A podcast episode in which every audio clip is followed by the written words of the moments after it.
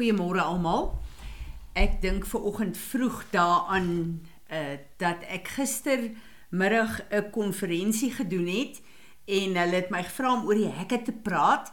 En vir my is dit so in tyd want julle weet die afgelope tyd het die Here regtig met ons gepraat oor die hekke.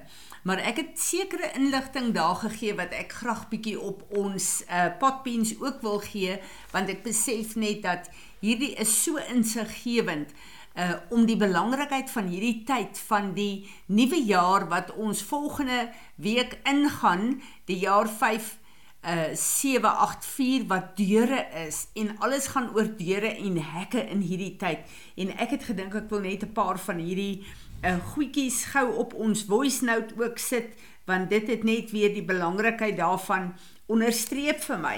En ek het gister begin met die skrif in Genesis 22 vers 17 waar daar staan in blessing I will bless you and in multiplying I will multiply your descendants like the stars of he of the heavens and like the sand of the seashore.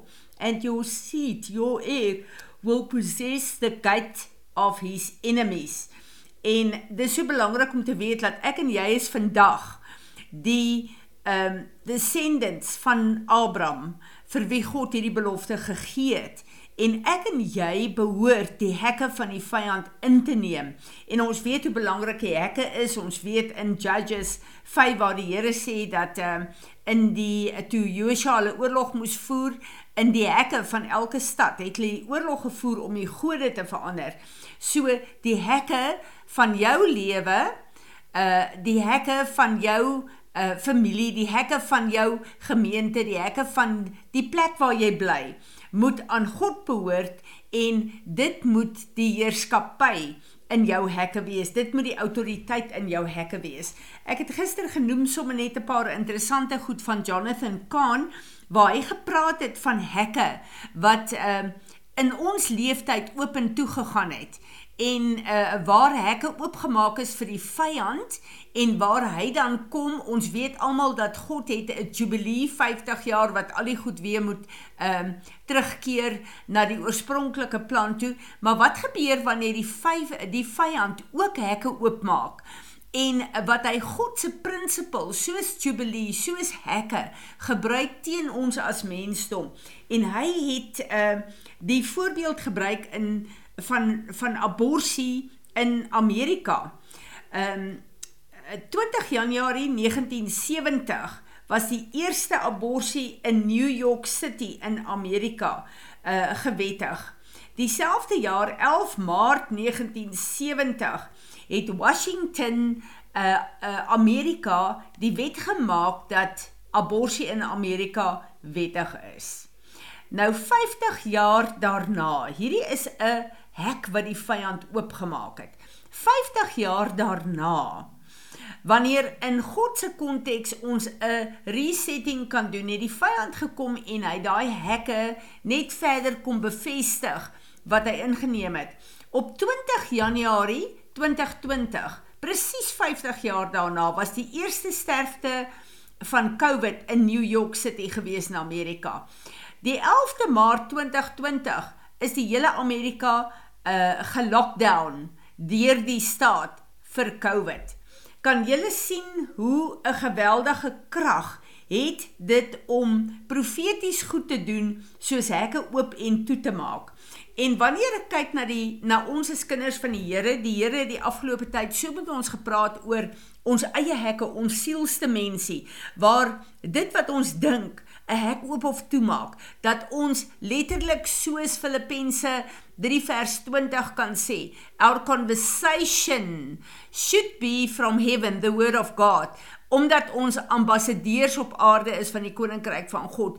Maar as die vyand omstandighede kan kry of politieke gebeurtenisse of wat ook al om ons te laat saamstem met sy negativiteit en sy uh uh afbreekende uh uh uh, uh, uh nuusberigte. Dan maak ons 'n hek oop vir die vyand om in ons verstand te werk en die woord sê dit wat 'n man dink die hekke wat hy oop en toe maak is dit uh, is hoe jy gaan optree.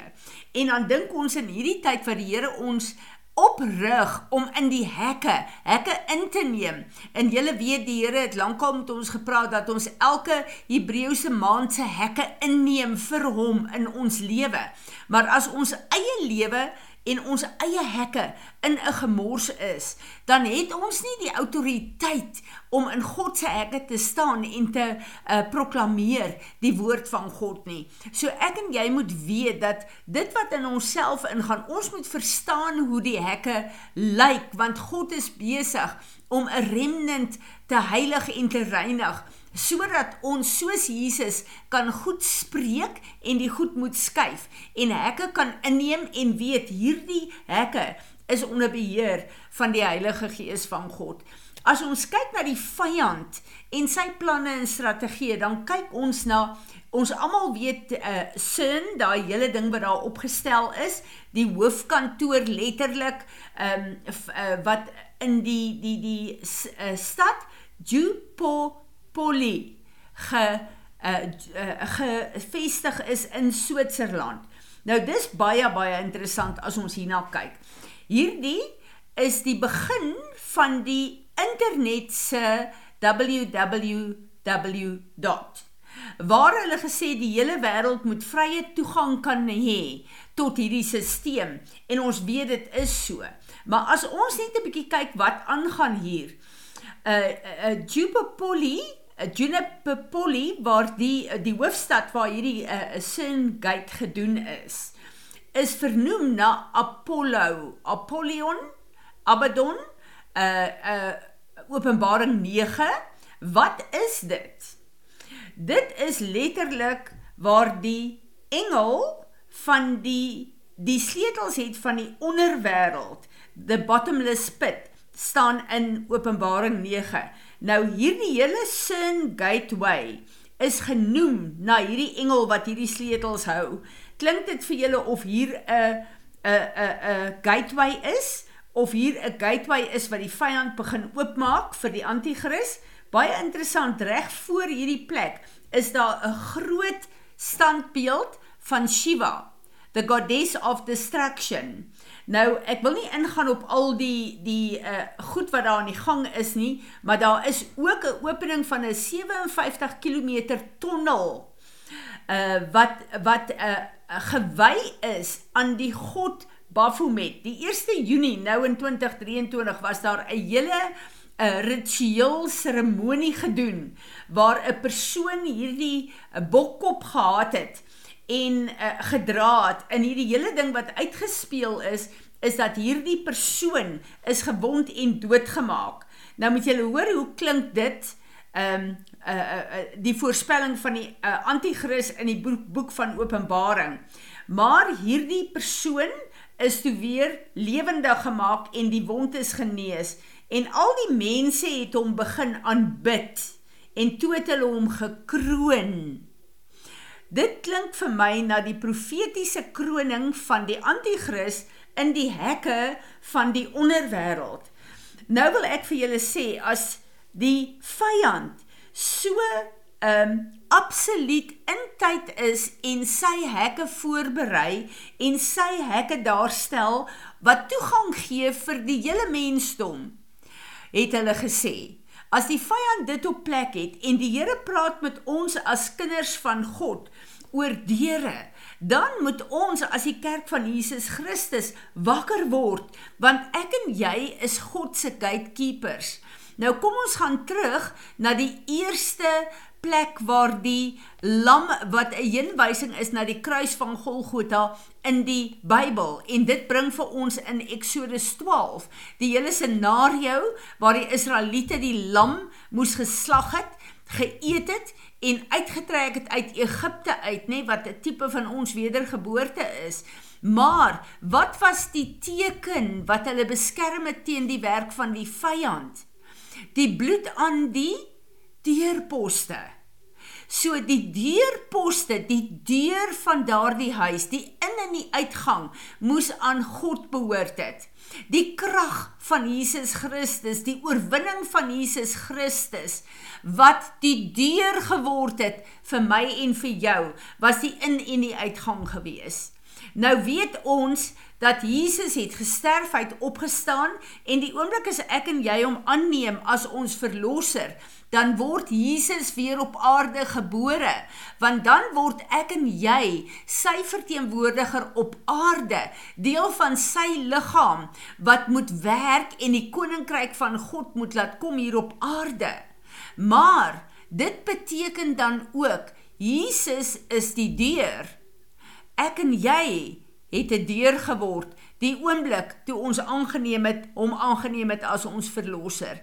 En daarom wil ek vir julle sê, my sussie en my boetie, dis verskriklik belangrik om te sorg dat ons as 'n deur van God onder die autoriteit van Jesus Christus sy afgehandelde werk op die kruis dat ons deure in lyn is met sy plan vir ons in hierdie tyd. Wat is daar wat deur ons uitgaan hier op aarde? Is dit die werk van God wat sy koninkryk bou of het ons ons deure in ons persoonlike liggaam vir die vyand gegee sodat hy deur ons kan werk en sy werk kan vervul? Mag die Here ons hiermee help. Vader, ek wil vir U dankie sê vir die openbaring wat U vir ons gee van die deure van ons eie lewe in ons sielste mensie. En ons wil opnuut kom Vader en ons wil sê, ons is so jammer dat ons dit nie verstaan het nie en ons is jammer dat ons dit gegee het vir die vyand. Vergewe ons asseblief. Kom heilig en reinig ons deure en ons hekke en ons wil dit opnuut toewy aan Jesus Christus, ons Heer en Meester. Wees ons genadig. Wees ons genadig. Amen.